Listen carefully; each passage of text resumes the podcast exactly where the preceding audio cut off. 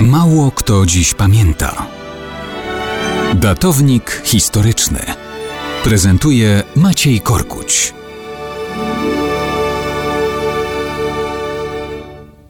Mało kto dziś pamięta, że 6 listopada 1835 roku w Paryżu zmarł Marie-Henri de Rigny, francuski admirał, minister wojny, który przeszedł do legendy przede wszystkim jako jeden z trzech dowódców floty francusko-angielsko-rosyjskiej w bitwie pod Navarino.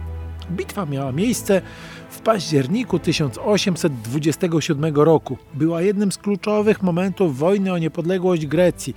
Wojny, która zaczęła się od powstania przeciw Imperium Tureckiemu. Powstanie to spowodowało międzynarodową interwencję i doprowadziło do niepodległości Grecji, ostatecznie potwierdzonej w roku 1830. Zbyt mało pamiętamy tak na marginesie, że takie konstrukcje, czyli powstanie, które wywołuje reakcję świata i przynosi zwycięstwo, były możliwe. To też pamiętajmy, że to jest szeroki kontekst, w którym zaraz potem wybuchnie w Polsce antyrosyjski bunt w noc listopadową. Ale wracajmy do Nawarino. Ta bitwa była wynikiem upomnienia się mocarstw Zachodu i Wschodu o przestrzeganie przez Turków zasad greckiej autonomii wcześniej narzuconej. Turcja pokazała wysłannikom tych mocarstw drzwi, a opinia publiczna Zachodu jednoznacznie sympatyzowała z Grekami. W takich okolicznościach u wysp greckich pojawiły się nieprzypadkowo francuskie, brytyjskie, a także rosyjskie eskadry wojenne. Miały uniemożliwić operację floty turecko-egipskiej.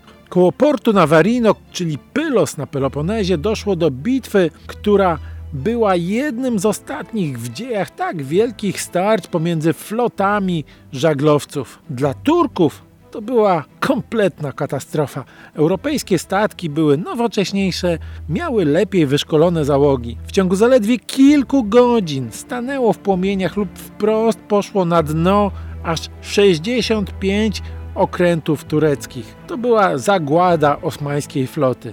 Zabitych i rannych sułtan musiał liczyć w tysiące. Zwycięzcy dowódcy, czyli nasz Francuz Derigny, Brytyjczyk Edward Codrington i rosyjski kontradmirał z Holandii Ludwig Hayden przeszli do legendy greckich walk o niepodległość, a ich trójboczny pomnik do dzisiaj jest centralnym punktem greckiego Pylos na Peloponezie.